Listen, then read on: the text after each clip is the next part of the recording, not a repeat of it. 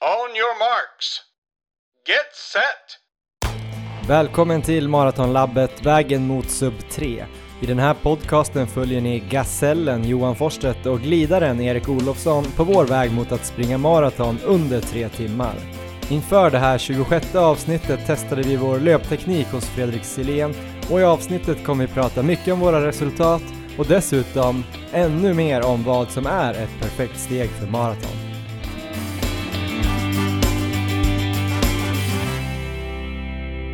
Hej glidar-Erik, hur är läget? Tjena Gasellen, det är, det är toppen. Eh, Det här med glider och gasell kommer vi kanske förklara senare i det här programmet, men varför är det toppen? Jo, men det är, jag är på väldigt bra humör. Jag fick ett så trevligt sms här på morgonen. Eh, jag, ska, jag ska läsa upp det lite, lite kort här.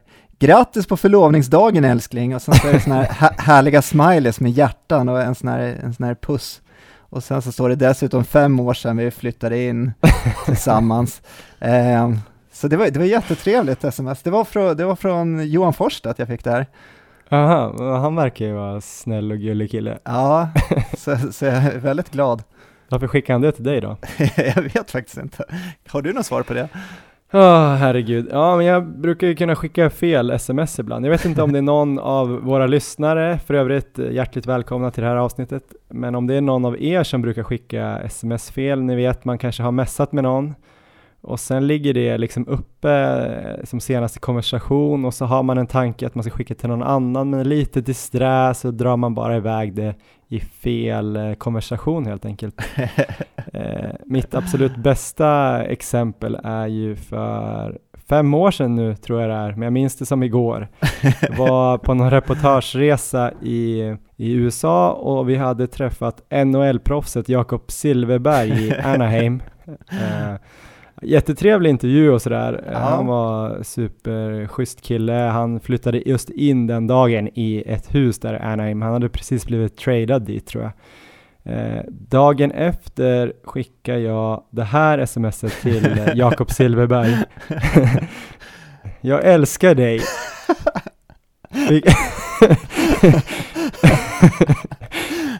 Det är så jävla roligt. fortsätt, fortsätt, ursäkta. Det är så mesigt. Jag älskar dig. Fick du ta det lugnt igår? Vad ska du göra idag? Saknar dig. Vad fick du för svar? Ja, men det gick ju några timmar. Det var ju tänkt då till Emma, min tjej. Ja, Eh, men det tog ganska lång tid innan jag fick som inget svar. Eh, och tänkte det var lite konstigt så här, "Nej, men Emma kanske inte tyckte det var så mysigt att svara på. Så fem timmar senare eh, så märker jag det här att, vad fan jag har ju skickat till Silverberg, helvete, ridå, så pinsamt. Och försöker släta över det med typ, ha ha ha, förlåt, eh, stelt. Jag skulle skicka till tjejen hemma i Stockholm, fattade inte hur den kom till dig. Ja, ja, bjuder på den, tack för idag. Och han skriver, säkert. skönt. Och så en hjärtegubbe och en tumme upp. Härligt. Ja, nej men jag bjuder på den. Ehm, I övrigt då, förutom alla dina fina sms som du får, har du Ja, sprungit något sen senast? jag har sprungit mycket sen senast. Jaha, det kan jag en- tänka mig. Toppenvecka förra veckan och eh, vi körde, jag körde på och vad fick jag in? Jag fick in ett eh, tröskelpass, fyra Mhm. gånger tre kilometer. Oj, Ehm, så det var, det var ett hårt pass, men eh, det kändes helt, helt okej. har du kvar tröskeln där runt 3.45 fart eller? Eller vad sprang du på? Jättesvårt att säga. Ehm, jag tror jag hamnade lite över det. Och eh, sen så var det, jag hade medvind första halvan och sen så hade jag motvind andra halvan. Så att det var, det skilde sig ganska rejält från kilometer till kilometer, men eh, någonstans runt 3,50 och sen hade jag några kilometer upp mot 4 tempo också. Så det, jag har inte full koll på snittet, men det var, det var, ja men det var, det kändes tufft, så där som det ska göra på ett tröskelpass. Lagom tufft. Men det var jäkligt bra då. Det har ju 12 kilometer i den där farten som Ja. Christian Munt snackade om. Precis. Då Jag, har du bara 3 kilometer kvar. jag var nära att vika ner mig efter tre, men jag tänkte att jag får inte börja hålla på så här, så att jag körde den sista trean också. Så, så det, var, det var bra. Och sen så sista var ett sånt här medellångt pass som jag ökade då från 20 kilometer till 22 kilometer. Just det. Och den här veckan så fick jag jobba mycket mer i zon 3 så att jag hade det tuffare på det här passet än veckan innan. Men det var nog lite kanske för att jag hade kört på hårt under veckan innan med många, många mil så att jag var nog lite sliten kanske. Mm. Men eh, också bra, sen mycket, mycket pass däremellan så jag var nog uppe på en 12-13 mil tror jag totalt. Herregud. Så att eh, bra vecka. Hur gick det själv? Ja, vad har jag gjort sen sist? Eh, det var i onsdags vi spelade in va? Så torsdag så var jag också, gjorde det där medellånga, halvhårda passet. Eh, jag sprang 80 minuter i 4.25 fart. Ja. Låg väl fortfarande i snitt eh, under aerob tröskel och det kändes lite tyngre än veckan innan. Men samma där eh, som för dig tror jag, jag hade lite tunga ben. Ja, Men eh, det var ganska stabilt och så sprang jag väl lite mer eh, på lite stigar och också en del av passet. Så jag Just tror det. att det var det som gjorde det och så var det lite varmare. Men det kändes ändå bra men slitigt och sen i helgen så sprang jag ett långpass ute i skärgården med några kompisar som, ja de droppade väl av en efter en men jag fick eh, ganska mycket fick du draghjälp eller var det så här broms? Ah, jag, inga kommentarer. Nej då, men eh, vi sprang även där lite på stigar och, och jag hade fullt fokus bara på att vara ute i två och en halv timme Ja. och struntade i princip i farten överhuvudtaget utan tänkte bara att jag skulle vara, vara ute länge och det lyckades jag med så det var inte någon speciell hög fart på den rundan. Men det var väldigt trevligt. Ja. Lite problem med mina hälsenor Ja, eh, som kom där. Eh, lite oroväckande. Eh, vi får se hur det där, hur det där går. Jag eh, har faktiskt varit eh, hos sjukgymnast både igår och idag. Det var inbokat sedan tidigare men eh, vi kollar lite på det och eh, vi kommer nog även in på det senare här i avsnittet om, eh, om löpteknik och om jag kanske kan göra någonting där för att förbättra det här med hälsenorna. Men sen har jag sprungit nu måndag, tisdag, jag har sprungit orientering ah, just det. och då har det väl blivit eh, också en hel del tid ute i skogen eftersom jag är lite ringrostig på själva orienterandet. Men eh, eh, så inte så jättelånga sträckor men det blev väl kanske, det har blivit lite drygt en mil både måndag och tisdag i, i terräng. Jag tror kanske nästan var uppåt 13-14 i måndags. Ja, har det gått bra? Nej det har inte gått så himla bra Ja. men jag har i alla fall kommit eh, runt banorna vilket jag får vara nöjd med just nu. Men, men det här hälseneproblemet bara, kom det under det här långa passet när du sprang lite långsammare eller hade du också känning passen innan? Ja men det har smugit sig på lite grann. Jag har ju haft lite problem under våren. Eh, inför Madrid kändes det ganska bra. Sen efter den urladdningen så var det väl okej ett tag men eh, jag kände att det kom lite och sen var det väl någon gång i, innan Stockholm eh, där jag sprang ganska mycket några veckor i rad nere i Köpenhamn som jag började känna att det hade blivit lite mycket tror jag. Ja. Och sen var det väl eh, bara förra veckan egentligen som jag tryckte upp mängden lite där Just det. eh, och eh, började känna, känna det. Men eh, det känns lite bättre idag faktiskt så vi får väl se. Ja, Jag tror inte de kommer gå av i alla fall. nej det får vi Eller verkligen, får verkligen hoppas. Ja, jag är orolig för det här, jag, är, jag, vill, jag vill verkligen att du tar det lugnt så att eh, Frankfurt verkligen blir av. Men det är en väldigt svår avvägning där för alla som eh, lyssnar på det här eh, vet ju att eh, när man har ett mål och man har visst många veckor på att klara sig det här målet så har man inte riktigt tid att eh, dra ner på volymen och eh, börja rehabträna istället utan det är ju sånt som man känner att man kan göra i vinter typ. Samtidigt är det den dummaste tanken av dem alla säkert om man vill ha, hålla sig skadefri. Men jag känner jag har ju 18-17 veckor kvar nu. Jag kan ju liksom inte ta fyra veckor och bara ta det lugnt och, och rehabba. Ja, Då kommer inte jag klara det. Jag har inte den marginalen känner jag. Då funderar jag på om jag kan hålla det precis där det är nu så kan jag i alla fall springa igenom passen utan att det blir mycket värre. Så får jag vara nöjd med det. Men vi får se om det funkar. ja, det får vi, vi får hoppas på det. Fick du några bra tips just angående det hos, eh, var det sjukgymnast eller var det hos? Ja, idag var jag till och med också hos en kiropraktor efter sjukgymnastbesöket. Eller fysioterapeut vill de väl att man ska säga nu för tiden istället Ja. för sjukgymnast. Så jag säger det. Eh, nej, men jag har ju problem med fotlederna är lite stela, vilket gör väl att eh, ja, vaderna är också lite stela, vilket gör att belastningen på hälsenan kanske blir lite onödigt hård. Jag tror att jag måste jobba upp den lite grann och det har jag vetat och det har jag jobbat med och det har blivit lite bättre och sådär. Eh, sen kan vi väl gå in på det nu egentligen. Vi var och gjorde ett eh, test av våra löptekniker här eh, för två dagar sedan. Vi träffades ju faktiskt.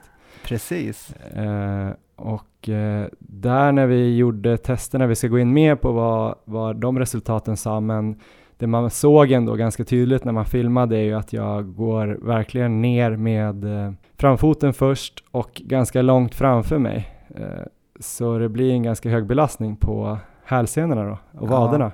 Så enligt då Fredrik Silén, den här löpteknikspecialisten som också man hittar på Instagram till exempel och hans hemsida Spring snabbare så var det inte konstigt att jag hade lite skadeproblematik. Ehm, Så just nu är väl hetaste spåret kanske att eh, kombinera alla de här olika grejerna med eh, fotleden, kanske, jag fick faktiskt det här eh, tipset om att rulla en hård boll under fotvalvet i DAS, kiropraktorn, det jag fick på Instagram häromdagen av någon lyssnare. Just det. Så det ska jag kanske köra lite oftare, köra foam roller på vaderna och sen fixa den här löptekniken lite bättre. Och, så det kommer ju bli toppen det här Erik. Ja, det låter bra.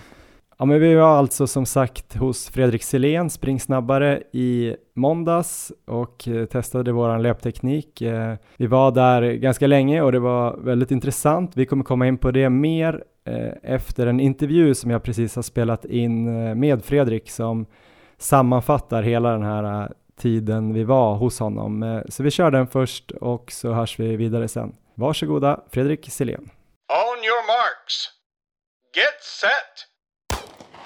Ja, hej igen eh, Fredrik Silén, eh, Spring snabbare, hur är läget? Tack, det är bara fint. Jag och Erik var ju hos dig här i måndags, eh, hade äran att få, få bli testad av dig. Kort lite först tänkte jag att du kan få berätta lite, vad är det man gör när man kommer till dig? Hur, hur mäter man sin löpeffektivitet? Ja, det vi gjorde nu då, det är att vi använde oss av den här mjukvaran som heter Motion Metrics. Eh, det går till helt enkelt så att man springer på ett löpband, värmer upp i några minuter först eh, och sedan så finns det två stycken 3D-kameror då som står väldigt exakt utplacerade i en vinkel framför, snett framför löpbandet och som sedan mäter dig eh, hur du rör dig då i den hastighet som vi har bestämt att vi ska eh, köra i. Och för er så var det er att, för att den farten som då gäller för att springa maran på under tre timmar. Ehm, och egentligen så är det, handlar det bara om att det, är, det tar, från att jag trycker på en knapp så tar det 40 sekunder eh, och då så har eh, programmet fått en genomsnittlig bild av hur det ser ut när du rör dig under en löpstegscykel, det vill säga från att du sätter ner vänsterfoten till att du sätter ner vänsterfoten igen. Det är en cykel. Och hur det ser ut då i snitt på tiondels millimetern eh, gör sig då de här kamerorna en bild av och sen så kan man då räkna på det enligt biomekaniken och fysikens lagar på hur mycket energi det kostar och, och vad det är för då krafter i olika leder och vad det finns då för skaderisker och vad man är bra på och dålig på när det gäller att vara effektiv löpare. Och sen kompletterar du eh, det här lite med ditt eget öga och erfarenhet också. va? Ja, så är det ju. Därför att kamerorna kan inte riktigt se anspänning, eh, avslappning i kroppen. Det är, naturligtvis om man är spänd eller avslappnad eh, så, så påverkar det naturligtvis rörelsemönstret men, men eh, de kan inte se precis hur kroppen aktiveras. Och då är ju jag där för att helt enkelt eh, se till så att om man, någon försöker springa lite för spänt eller det är någonting annat som, är, som inte riktigt fungerar för man får inte igång eh, till exempel sätesmuskulaturen som är vanligt. Ja, då, då kan jag vara där och, och göra sådana korrigeringar också som egentligen inte behöver vara en del av det som mäts. Och eh, om vi går in på själva våra test här då. Vad såg du hos oss när du hade testat både mig och Erik? Ja, det, det som var eh, extremt slående det var ju att ni springer så ohyggligt olika. Och att ni är eh, ganska så bra representanter för de två sätt, man kan ju säga grovt sett så säga att det finns två sätt att springa energieffektivt på. Då. Och då brukar man kalla dem för gaseller och glidare, är den vanligaste benämningen. Och eh, där du då var ju en väldigt, väldigt typisk gasell. Eh, Erik var ganska mycket en glidare. Jag har sett eh, betydligt ännu tydligare exempel på glidarstil, men han var en, en utpräglad glidare också. Då. Eh, men du var ju verkligen gasell ut i fingerspetsarna i hela vägen. Liksom. Och vad kännetecknar eh, gasellen då, först och främst? Ja, det är, det är ju lite grann hur man utnyttjar eh, kroppen och effektivitet. Man kan säga det att när vi pratade senast här så pratade vi om den här energireturen man kan få då. Genom att ha en kort kontakttid så kan man då genom muskler och senor och andra delar i kroppen få tillbaka energi som, ungefär som gummisnoddar. Eh, och det här är någonting som gasellen då, om man tänker sig en gasell som skuttar över savannen så, så, Eh, så blir det, det blir lite mer skuttigt men man får också tillbaka ganska mycket energi, returenergi. Då. Och det blir då en väldigt spänstig och faktiskt en rätt snygg löpning. Eh, det, det, kan också bli som nu var i ditt fall då till exempel, att det blir lite väl spänstigt eh, och för att det blir lite för mycket hoppande upp och ner. Så att det kan kosta för mycket och dessutom så kostar det otroligt mycket styrka. Då. Men man har i regel en lite lägre eh, stegfrekvens än, än, än snittet och eh, så kommer man helt enkelt väldigt långt på varje steg och utnyttjar då returenergin så mycket som möjligt. Glidaren däremot eh, har en högre stegfrekvens, eh, ofta riktigt, riktigt hög. Istället för att man studsar upp och ner och slösar energi där, då måste man ju röra kroppsdelarna och då kostar det extra för man måste röra kroppsdelar så fort.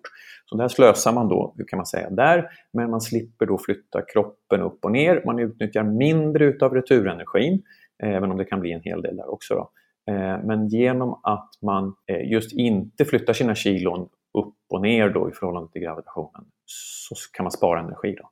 Så att det ena, har, det ena blir li, lite skuttigare, spänstigare. Det andra är en sjujäklarns eh, hög frekvens som man liksom mer flyter fram.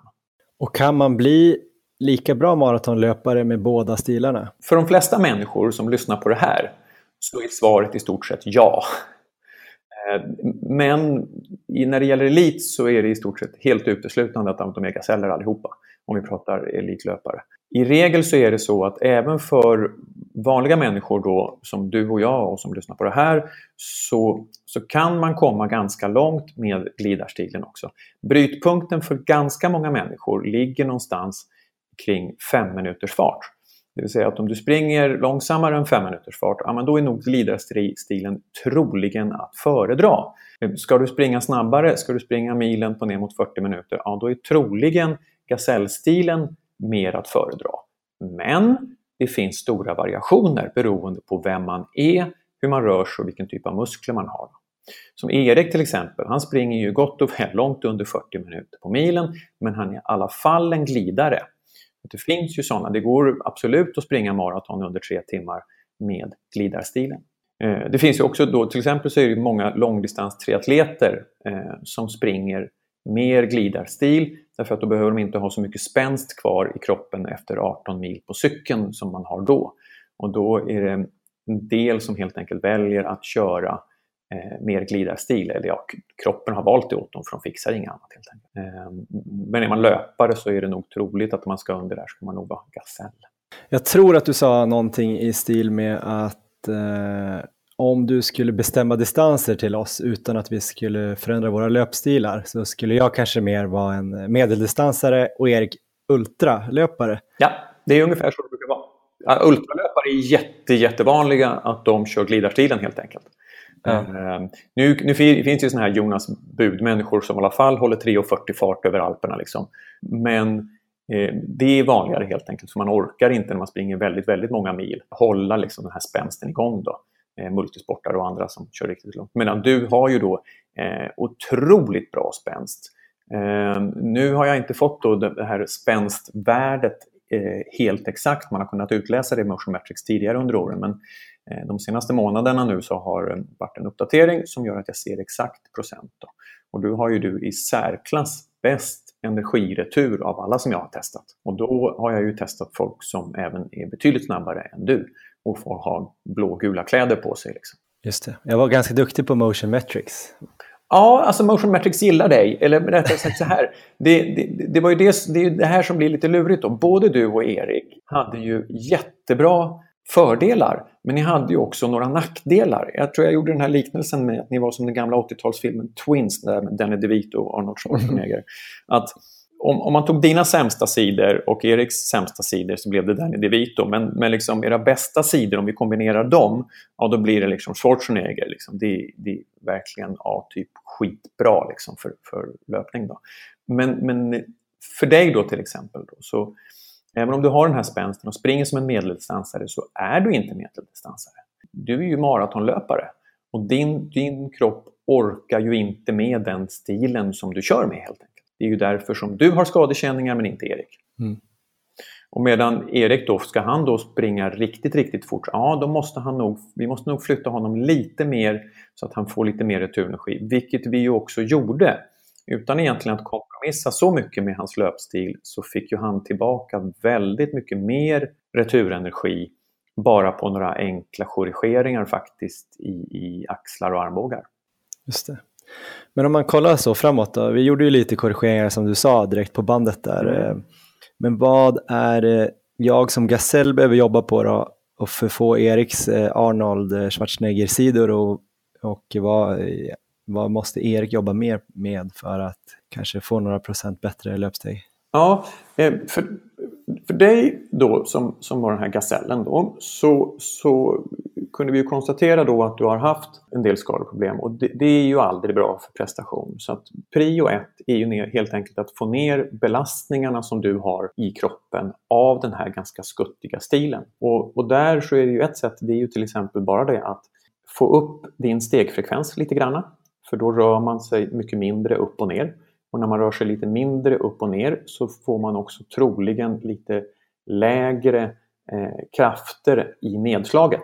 Vilket du behöver för du pallar inte riktigt det som, som är nu. För du hade väldigt, väldigt höga värden när det gäller just ledbelastningar på dig. Då. Mm. Eh, och, och alltså att plocka upp stegfrekvensen för dig. Dessutom så var du väldigt orörlig kring höften. Det var det här som jag pratade om att höften rör sig som en kajakpaddel i en tredimensionell rörelse. Och på det sättet så blir det dessutom ännu skuttigare för att kraften går, riktas troligen mer uppåt. Genom att du får igång jobbet i bål och höft så kommer du kunna driva dig mer fram och mindre upp i varje steg. Eh, vilket både är bra för din fart men, men också för att få ner belastningen i kroppen på dig. Så mm. det var med dig, att låsa upp och liksom få dig att vara lite mer salsadansare eh, så att du får kraften framåt och plocka upp din stegfrekvens. Det är några av sakerna vi gjorde. Vi gjorde ju lite andra saker också. Då.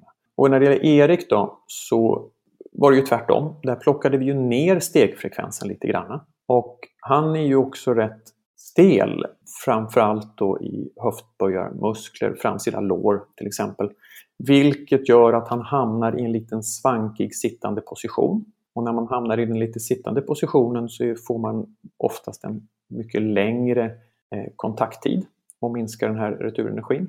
Så genom att flytta lite på hans höft så blev tillslaget bättre och han fick mer returenergi. Så han behöver ju jobba med sin rörlighet.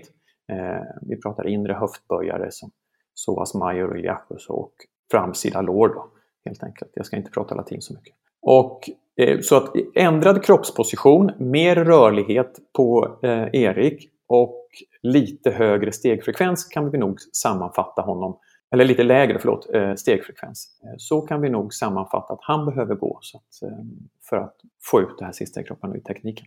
Eh, till sist då, hur ser du på att förändra löpsteget då? Du sa någon gång där under testet att du tyckte att det var ganska enkelt, men jag tror att många tänker så här, det är för krångligt att ändra sin stil, jag har sprungit hela mitt liv, på det här sättet, det här kommer ta lång tid eller leda till andra skador.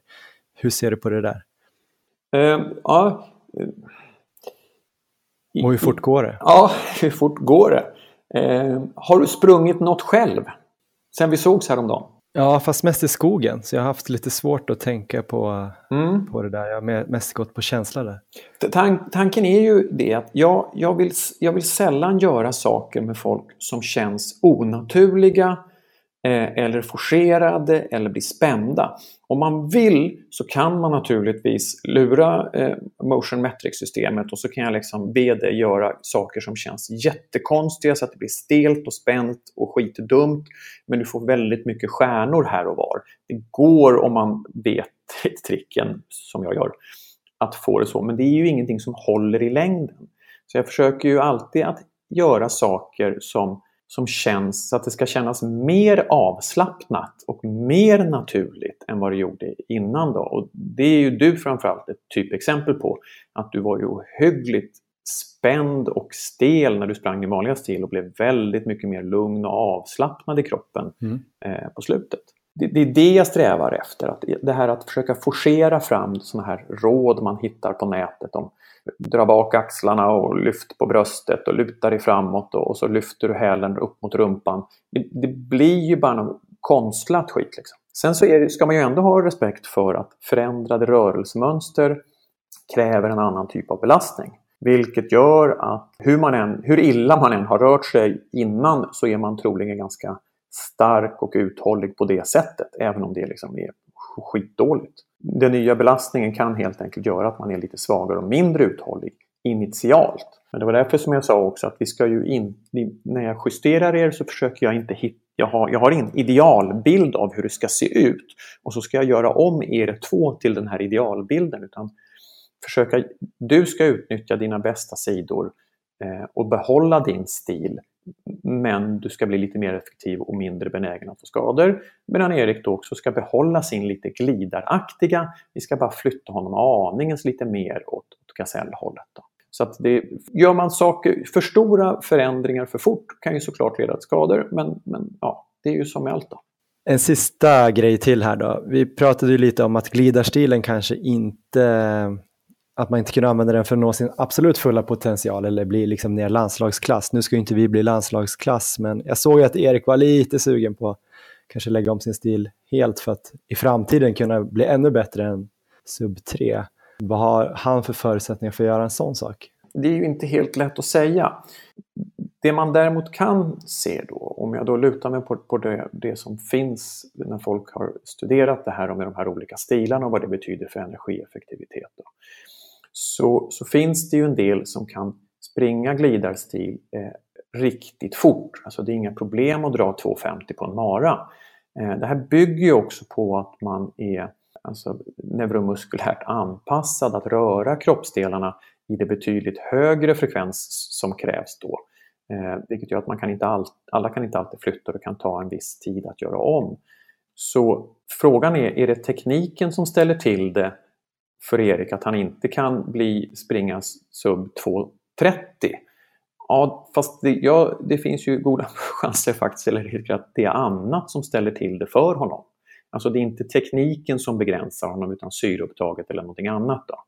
Är du med? Mm. Så att mm. tekniken är ju en, en, en del av ganska många olika parametrar som avgör vilken potential man har. Han kanske når sin fulla potential på alla andra punkter innan det blev inget vidare med eh, den stil han har haft helt enkelt. Eh, och gör, bara genom att skruva lite grann på honom. Eh, han ska ju på inget sätt gå dit där du är. Därför att han har inte den typen av muskler helt enkelt. Och, och nu då så är det ju för sent. Han är ju för gammal. så för att göra om. Eh, så man kan ju alltid bli mer spänstig och här. Jag har, jag har skickat jag har ju skickat övningar till er och jag har bland annat skickat spänstövningar till er. Och så där också.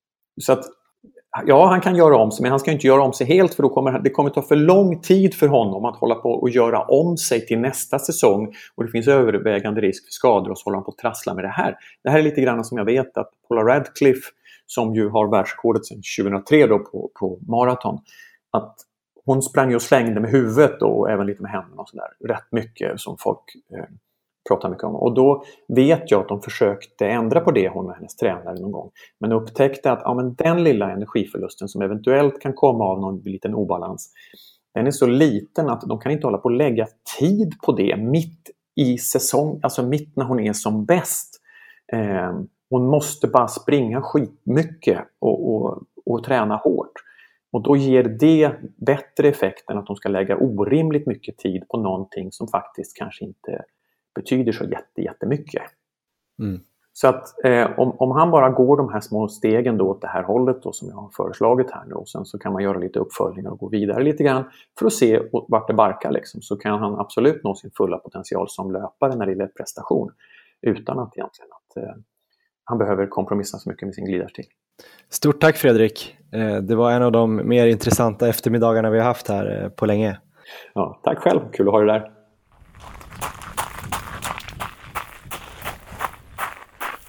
Det där var alltså Fredrik Silén som också återfinns på hemsidan springsnabbare.se och han heter också springsnabbare på Instagram. Gasellen, det är jag det. Verkligen. Eh, du är glidaren, eller vad säger du? Ja, det, så är det definitivt. Men vad säger du om att vi skulle tillsammans då kunna bli Arnold Schwarzenegger i den här filmen Twins? Jag tycker det låter Det är väl ändå coolt. asbra. Kan vi lösa det här praktiskt så kör vi med en löpare i Frankfurt. Ja men om vi fortsätter den här podden några decennier så kanske de kan komma på en teknik där vi kan eh, på något sätt ta det bästa från dig och det bästa från mig, sätta ihop det en person. Då har vi nog redan klarat sub 3. Ja. Och då kan vi äntligen lägga ner podden. Alltså vi, jag tror vi kan gå för typ OS-guld med tanke på dina resultat här. ja, nej men eh, vi fick ju väldigt mycket information. Jag tror båda fick ganska stora tankeställare av den här eftermiddagen som vi hade med Fredrik. Det var eh, väldigt, väldigt spännande. Vad säger du, har du hunnit eh, smälta den här informationen? Ja, alltså jag har ju, det är ju typ det enda jag har tänkt på efteråt egentligen. Ja, men innan, det var ju lite som jag sa när vi var på väg dit, att jag, jag vill ju egentligen inte ha så bra resultat på det här testet. Ehm, det var inte dit att jag ville åka dit och sen så bara ehm, få toppresultat på allt. Utan, och sen, det var ju ganska väntat här, jag, det var ju ingen chock för mig att jag springer på det här sättet. Det har vi ju sett när vi har försökt ta kort och jag typ inte har något löpsteg knappt, så att det är ju det är ju tydligen så jag springer och det fick vi ju bevisat nu också. Så, eh, så att det är ju, ja men det känns, det, jag tycker det känns bra, det känns väldigt intressant och eh, jag har ju varit ute och sprungit här en gång efter testet också. Mm. Och då tänkte jag ju verkligen på alla de här bitarna som vi, vi fick ju springa igen där på löpbandet och då gick vi igenom massa olika saker där som vi skulle tänka på, allt från att eh, inte spänna bröstet till hur vi skulle hålla armarna och eh, för mig handlade ju mycket om, om höften. Ja, du skulle tänka att du hade krokar i låren på något sätt som var Precis, av järn. i höften sen så har jag skulle två haka på dem på en pinne som var lite högre upp. Ja, sätt. Ja, precis. Så att det, det där har jag tänkt på nu under det här passet. Jag var ute, jag körde här ett par kilometer, inte att jag sprang så här hela tiden, men däremot så körde jag precis som han gjorde med mig. Jag tog en sak i taget och tänkte på det, sen så justerade jag till jag liksom hade den tekniken. Det började, jag började med bröstet och sen gick jag över till armarna, eh, försöka få in lutningen där som han sa, och eh, därefter tänka på de här fiskkrokarna i höften och eh, sen så var det väl knäleden också, att det skulle vara väl oljad. Och det jag, alltså det som händer när jag liksom gjorde det där och började springa, det går ju snabbare, verkligen. Det, Gör det? Ja, det gör det. Det, går, det är en klar skillnad. Ehm, så sen så är frågan hur mycket mer ansträngande det är. Jag får ju säkert jobba lite hårdare också än min normala glidarstil. Men definitivt en klar skillnad, så att jag, jag tycker det är ju jätteintressant det här och ehm, däremot så pratar han ju också om att eh, mycket om att det är ju, det kan ju vara skaderisk.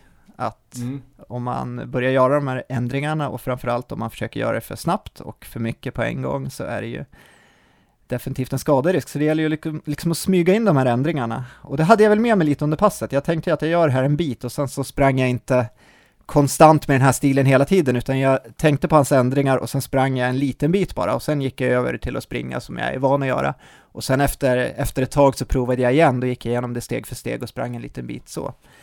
Um, så att det, det kändes bra, det var som ett bra pass. Jag kombinerade det med ett backintervallpass. Så efter jag hade kört det här så körde jag backintervaller och sen så eh, sprang jag hem med min vanliga stil.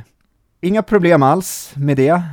Um, däremot, under kvällen sen så hade jag varit ute på lekplatsen med min son. Och när jag kom tillbaka och gick hemåt så det var som att det högg till lite i insidan av ljumsken, inte mycket men Lite grann högg det till där, så redan där fick jag så här en liten varningssignal att nu, nu har du gjort någonting som du inte är van att göra. Och eh, så att jag fick som en tankeställare att jag bör nog ta det lite lugnt med de här ändringarna ändå. För innan så, innan så hade jag tanken att nu kör jag det här på mina, det här upplägget på mina distanspass, mina återhämtningspass och sådär. Eh, kvalitetspassen kanske jag inte ska tänka så mycket på det och kanske inte långpasset heller, men försöka liksom lägga in det mer och mer. Eh, nu så står jag så här och tvekar hur mycket jag ska verkligen börja jobba med det, för att eh, redan nu så fick jag den här lilla varningssignalen att, eh, att det, kroppen inte är van vid sättet att springa på. Ja, känslan är ju att du kan göra sub 3 utan att göra någonting med ditt löpsteg, men det kanske är roligare att uh, faktiskt korrigera det lite mot framtiden. Det känns som, eh, även om han pratade ju där med oss om att eh, med glidarstilen kanske man ändå kan nå någonstans runt 2.50. Mm. Och eh, det skulle jag säkert vara väldigt nöjd om jag avslutar min maratonkarriär med 2.50. Eh, men det känns ändå på något sätt tråkigt att låsa upp sig ehm, Eh, just med, med någon slags begränsning sådär. Så att eh, jag är ändå, jag är väldigt sugen på att försöka komma över mer mot den andra stilen. Men att försöka göra det innan Frankfurt tror jag kanske är ganska dumt att göra. Jag, tr jag tror till exempel inte jag skulle kunna springa mina 12-13 mil i veckan om jag använder det krävs nog nästan att jag använder min vanliga glidarstil om jag ska komma upp i de milen i veckan. Eller vad tror du om det? Ja, om man tittar på mitt eh, resultat så tror jag väl kanske det. Ah. Eh, jag vet inte, jag hade ju en ganska bra, ganska bra värden i motion metrics. Eh. Världsrekord typ. det var det sjukaste jag sett. ja, det var galet. Kul att man kan vara bra på något. Uh, nej, men jag hade ju väldigt fina siffror där. Eh, bättre än han hade mätt upp på den här elastiska returenergin och även stride, alltså 4,7 av 5 totalt på den där stride-grejen. Alltså jag är helt chockad fortfarande tror jag. Ja. Men å andra sidan hade jag ju väldigt eh, hög risk med mitt löpsteg. Eh, det fanns ju en sån skala också. Jag tror till slut att jag hade 66 av 100 eller någonting i belastning på kroppen, eh, ledbelastning. Ja, ledbelastning, precis. Väldigt många röda eh, varningsklockor som löst där. Eh, så jag vet inte, det kanske är så att man måste gå ner lite om man lägger om stilen. Ja, och där kan man säga att jag hade, om jag hade så här 13-14 tror jag, du hade 66 någonting, eller hade du ännu mer? Var det 77 du hade innan? Jag hade 77, 77 första testet ja, och sen ja, fick jag väl ner det till 66 där, men så, så det var högst i alla fall. Otrolig skillnad på belastning. Så till exempel, skulle du springa mer än 8 mil med din stil, så eh, jag undrar hur kroppen skulle svara då? Ja, det kanske är en bekräftelse av att uh, jag inte ska springa så mycket längre än 8 mil i, i veckan och uh, hoppas helt enkelt på att det kommer räcka uh, och inte stirra mig blind på volymen. Jag var lite som en väldigt otränad Kipchoge, ja, eller för... otränad, jag sprang som Kipchoge men jag hade inte hållit på sedan jag var typ fem år. så att jag hade inte riktigt grunden för att springa som jag gjorde. Ja, det låter ganska okej ändå. Eh, så jag vet inte, vad skulle du helst eh, ta det här av mig eller dig? Alltså löpstegen. Det, det var väldigt svårt så när vi kom ut. Jag kommer gå sönder, Aha. men du kan inte nå landslaget. ja, men då tar jag nog mig tror jag. Ja, eh, det är så. Ja. Om nu målet är sub 3 så eh, Nej, det var ju, nej jag vet inte riktigt. Det var ju, skulle jag ta det här från att jag var liten så skulle jag ju ta din stil alla dagar i veckan och sen bygga därifrån, för då skulle du, då skulle du vara med på OS snart. ja, nej, men jag är lite fundersam liksom. Jag tycker det är skitkul att, att ha bra löpsteg. Ja. Men eh, som sagt, jag har ganska mycket tror jag att jobba på för att eh, klara av att springa så. Men det, vi gjorde ju någon justering där när jag fick till den här kajakpaddlingen lite bättre med höfterna. Just det. Eh, jag sprang ju väldigt eh, spänt som också Fredrik nämnde i intervjun. När jag kom dit så, det tror jag inte vi snackade om, jag hade bröstet också väldigt så här, eh, väldigt stolt hållning. Ja. Och eh, det gjorde att jag blev väldigt stel hela vägen. Axlarna var stela och höfterna var helt stela, de rörde sig ingenting. Ja. Och, eh, jag fick en lite konstig, konstig stil nästan, lite rysk militärparad. Beskrivande eh, så. Skulle jag kunna springa i liksom, sa han. Men sen när jag fick till lite bättre det här med armarna, alltså ta armarna hip to heart som han sa, ja. ganska tight nära kroppen och sen var det några Kipchoge-händer där man snurrade händerna lite. Salkai gör ju det nästan extremt mycket Men det funkar väldigt bra för honom. Men då Ja. gjorde det att man nästan fick en liten rullande rörelse med höfterna, som en Precis. kajak. Och när jag fick till det och var avslappnad i bålen och bröstet och lät typ underbenen nästan bara hänga med, då fick jag ju lite bättre, fick jag ännu bättre värden då. Ja, Plus att jag landade med foten lite mer under mig så att jag inte kanske fick den här extrema belastningen på vaden när jag, när jag slog i med framfoten. Så det kan ju vara en sån liten grej som gör att det blir bättre just med hälsenorna. Ja, och det var intressant för det hade jag samma, där hade vi samma problem just med hur vi höll bröstet, att jag gjorde ju samma sak och sen så hamnade mina händer lite för långt fram och Mm. eh, därmed så eh, vart det så att jag landade med fötterna också lite för långt fram. Mm. Ehm, så den justeringen fick jag också göra och det tror jag, den, det är en sån här justering som jag tror att jag kan ta med mig utan att det egentligen kommer eh, belasta min kropp så mycket mer. Jag Mm. tror eh, det största problemet för mig är just nog det här ehm, att komma fram med höften. Jag tror det är, och det, det är den delen som jag egentligen, som jag kanske känner att jag vill, vill få till, men jag tror ändå också det är den som kommer till störst del riskera skador för mig. Men där tror du inte att du också kommer få, om du gör till exempel eh, att du springer ditt eh, distanspass 10 kilometer och sen så såg jag ju på Strava att du har börjat köra lite så här eh, stegringslopp efteråt. Ja, då. precis. Och att du där tänker ganska mycket på tekniken med höften och lägger in alla de här grejerna och sen kanske du inte sprintar allt vad du kan, tio stycken, utan du håller en bra teknik eh, några gånger. Så här. Jag tror att det kommer ändå få din andra stil, eller det kommer göra att du närmar dig den här bättre Aha. stilen, eller vad man ska säga, automatiskt utan att du sliter så mycket. För det kan ju vara svårt att säga att du ska gå in alltså så här 10% på alla passen eller att du ska springa ett distans distanspass i veckan med den här stilen. Det kanske blir mycket liksom. Ja, Det, det är det som är så himla svårt att veta hur mycket man kan träna på det innan ja verkligen. pro- problem. Ja, men det låter väl, det låter väl jättebra att bara lägga in det kanske i slutet av passen sådär. För eh, jag håller med, för mig känns det också som att det här med bröstet var lite ögonöppnare. Jag har tänkt att man ska ha den där stolta hållningen, men jag har inte tänkt på hur spänd jag blev, så hur det påverkade armarna och sånt där. Det tror jag bara, det kände jag ju direkt att det var jättenaturligt att bara Ja, inte luta sig framåt eller så krumma ryggen, men att bara släppa ner axlarna lite, inte spänna ut bröstet. Jag har nog inte ens tänkt på att jag gör det, Nej, men precis. jag kände det väldigt tydligt. Och då var det ju som att armarna fick mycket bättre, det blev de här Barbie-armarna, axlarna gick rakt bak så här. ja, Mycket lättare och bättre armföring. Och så just att armarna går upp nära kroppen och inte längre Ja. fram. verkligen. Så den biten tror jag bara, den biten kommer vara ganska lätt att applicera Ja, på alla mina pass egentligen. Och sen snurra lite där på händerna där framme, de här Kipchoge-armarna. Och då tror jag att eh, kanske att de här höfterna kommer komma lite, lite automatiskt. Det är min förhoppning. ja. ja, för dig handlar det mest egentligen om att få ner ledbelastningen känns det som. Alltså din Ja, teknik är ju så pass bra redan så kan du få ner ledbelastningen så att du kan springa som du gör fast hålla bättre så kommer det här bli bra. ja då blir jag Arnold kanske. Ja, är han bra på maraton?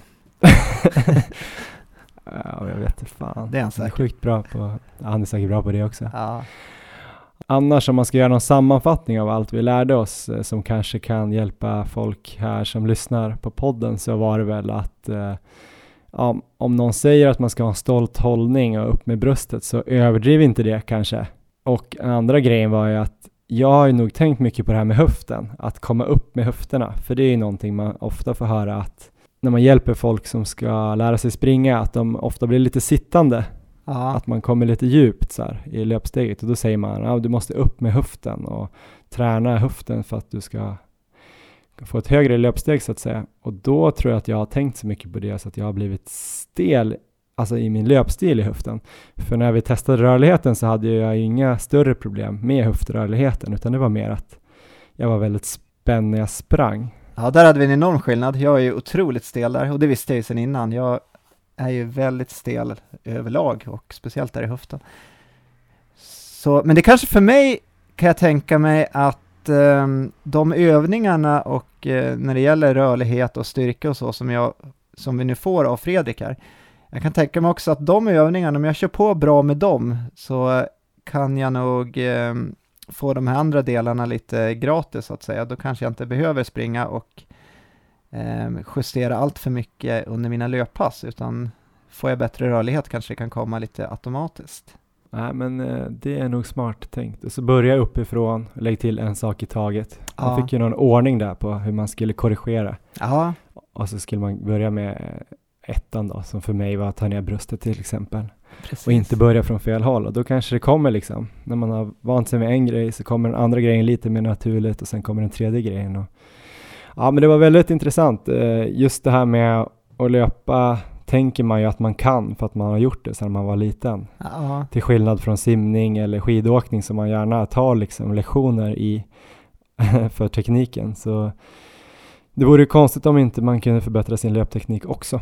Ja, men det här kan vi verkligen rekommendera i alla fall till våra lyssnare om man har Mm. möjlighet att eh, det är definitivt värt det.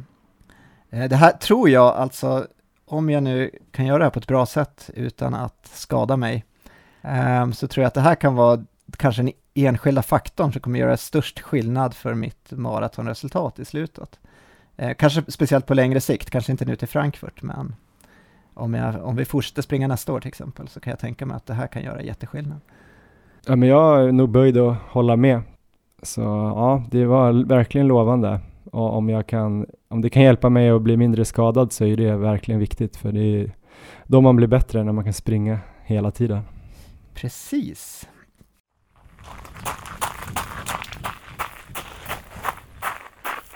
Ja, men vi har en del att jobba med när det gäller löpteknik båda två och eh, vi kommer väl eh, fortsätta springa varje vecka antar jag, så vi kommer väl bli bättre nästa vecka eller veckan som kommer Erik. Hur ser din eh, träning ut då, har du tänkt? Jag har börjat veckan då med ett eh, backintervallpass och eh, mina två övriga kvalitetspass kommer att vara ett långpass som kommer ligga någonstans mellan 35 och 40 kilometer. Jag har inte riktigt lagt upp planer för det.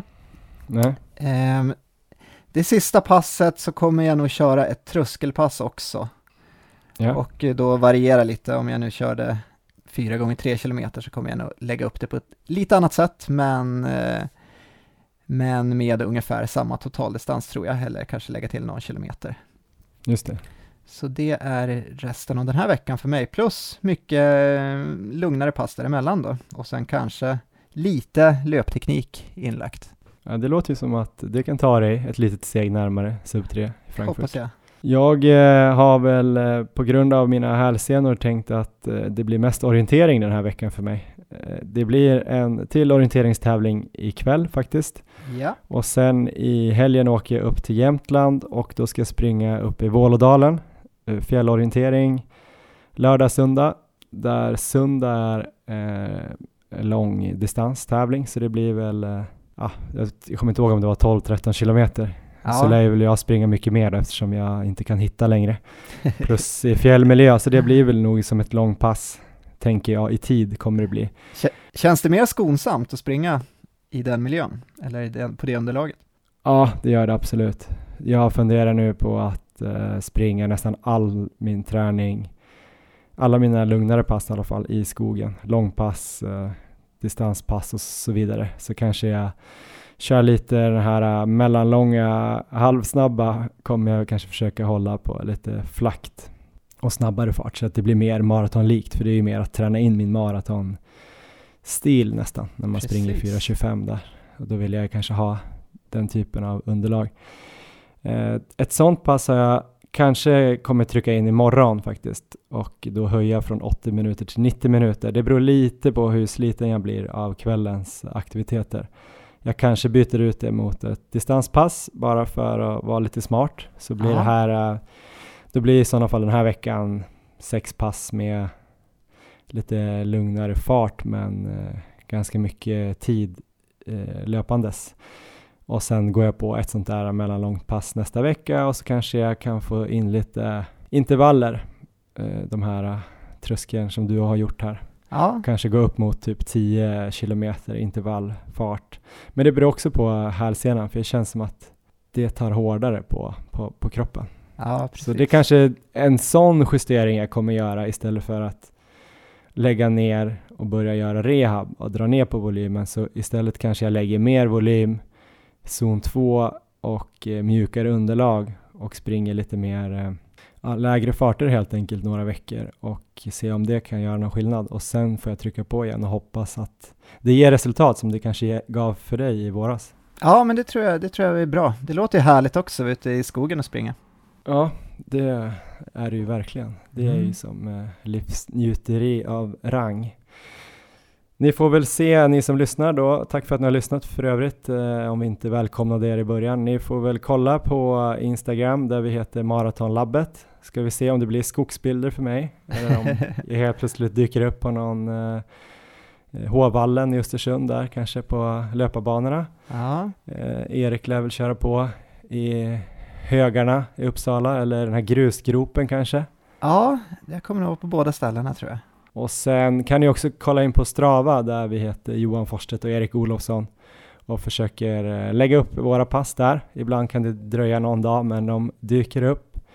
Eh, Jag ska börja beskriva lite mer vad det är jag gör också, inte bara ha själva rundan där. Men det kommer när jag får mer tid.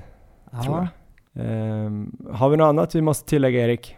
Ehm, det tror jag inte, jag tror vi har fått med det mesta.